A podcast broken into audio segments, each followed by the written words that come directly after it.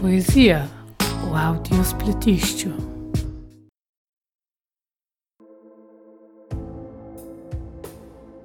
Le kako se je sploh lahko znašla v zvezi, v kateri nič ne gre nikamor? Vse je vendar veljala za pametno dete. Brati se je naučila že pri petih letih. V osnovni šoli je bila odličnjakinja. V knjigah je vedno prebrala tudi predgovore in vse opombe pod črto. Imela je najboljši rezultat pri vsakoletnem osnovnošolskem krosu, tudi med fanti. V srednji šoli ni imela nikoli nobenega popravca, v najstniških letih ni uživala drog. Pila je po pameti, recimo, tako da ji niso niti enkrat pumpali želodca na urgenci. Imela je ambicije.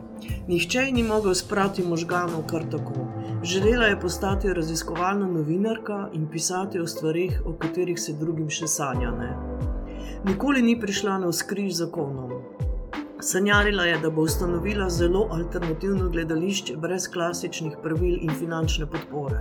Vedno so jo privlačile napredne ideje. Na faksu se je prva otirala kot lezbika in začela spreminjati stvari, o čemer se je prej še sama kome drznila sanjati. Prezirala je slehernike in slehernice, ki so si zatiskali oči pred krivicami, praktične lažnivce, sledilce mainstream konfekcijske mode in učitelje živali. Nikoli ni požrla seksističnih žalitev in v javnosti ni skrivala svoje spolne usmerjenosti. Nikoli ni imela težav z orgasmom in ljudje so bili vedno ponosni na njeno prijateljstvo. Zdaj pa je bilo vse narobe.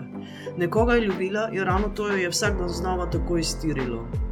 Kot da bi rapidno izgubljala svoj razum, naj bi včasih najraje kar pozabila. Skratka, dobro se je zajebala. Zapletla se je v nekaj neobvladljivega, čeprav je dolgo mislila, da zna dobro peljati stvari in da njej že nišče nič ne more ampak nisi bila še na jasnem, kaj zmore storiti sama sebi. Ja, kar naenkrat je bila tudi sama navlečena. Navlekla se je svoje ljubice tega odbitega življenja z njo. Če si je že z ljubeznijo nakopala toliko sranja, kako bi lahko sploh še pričakovala, da ji ne bi škodile druge, že po definiciji hujše zadeve? Odlomek iz romana Pontonski most.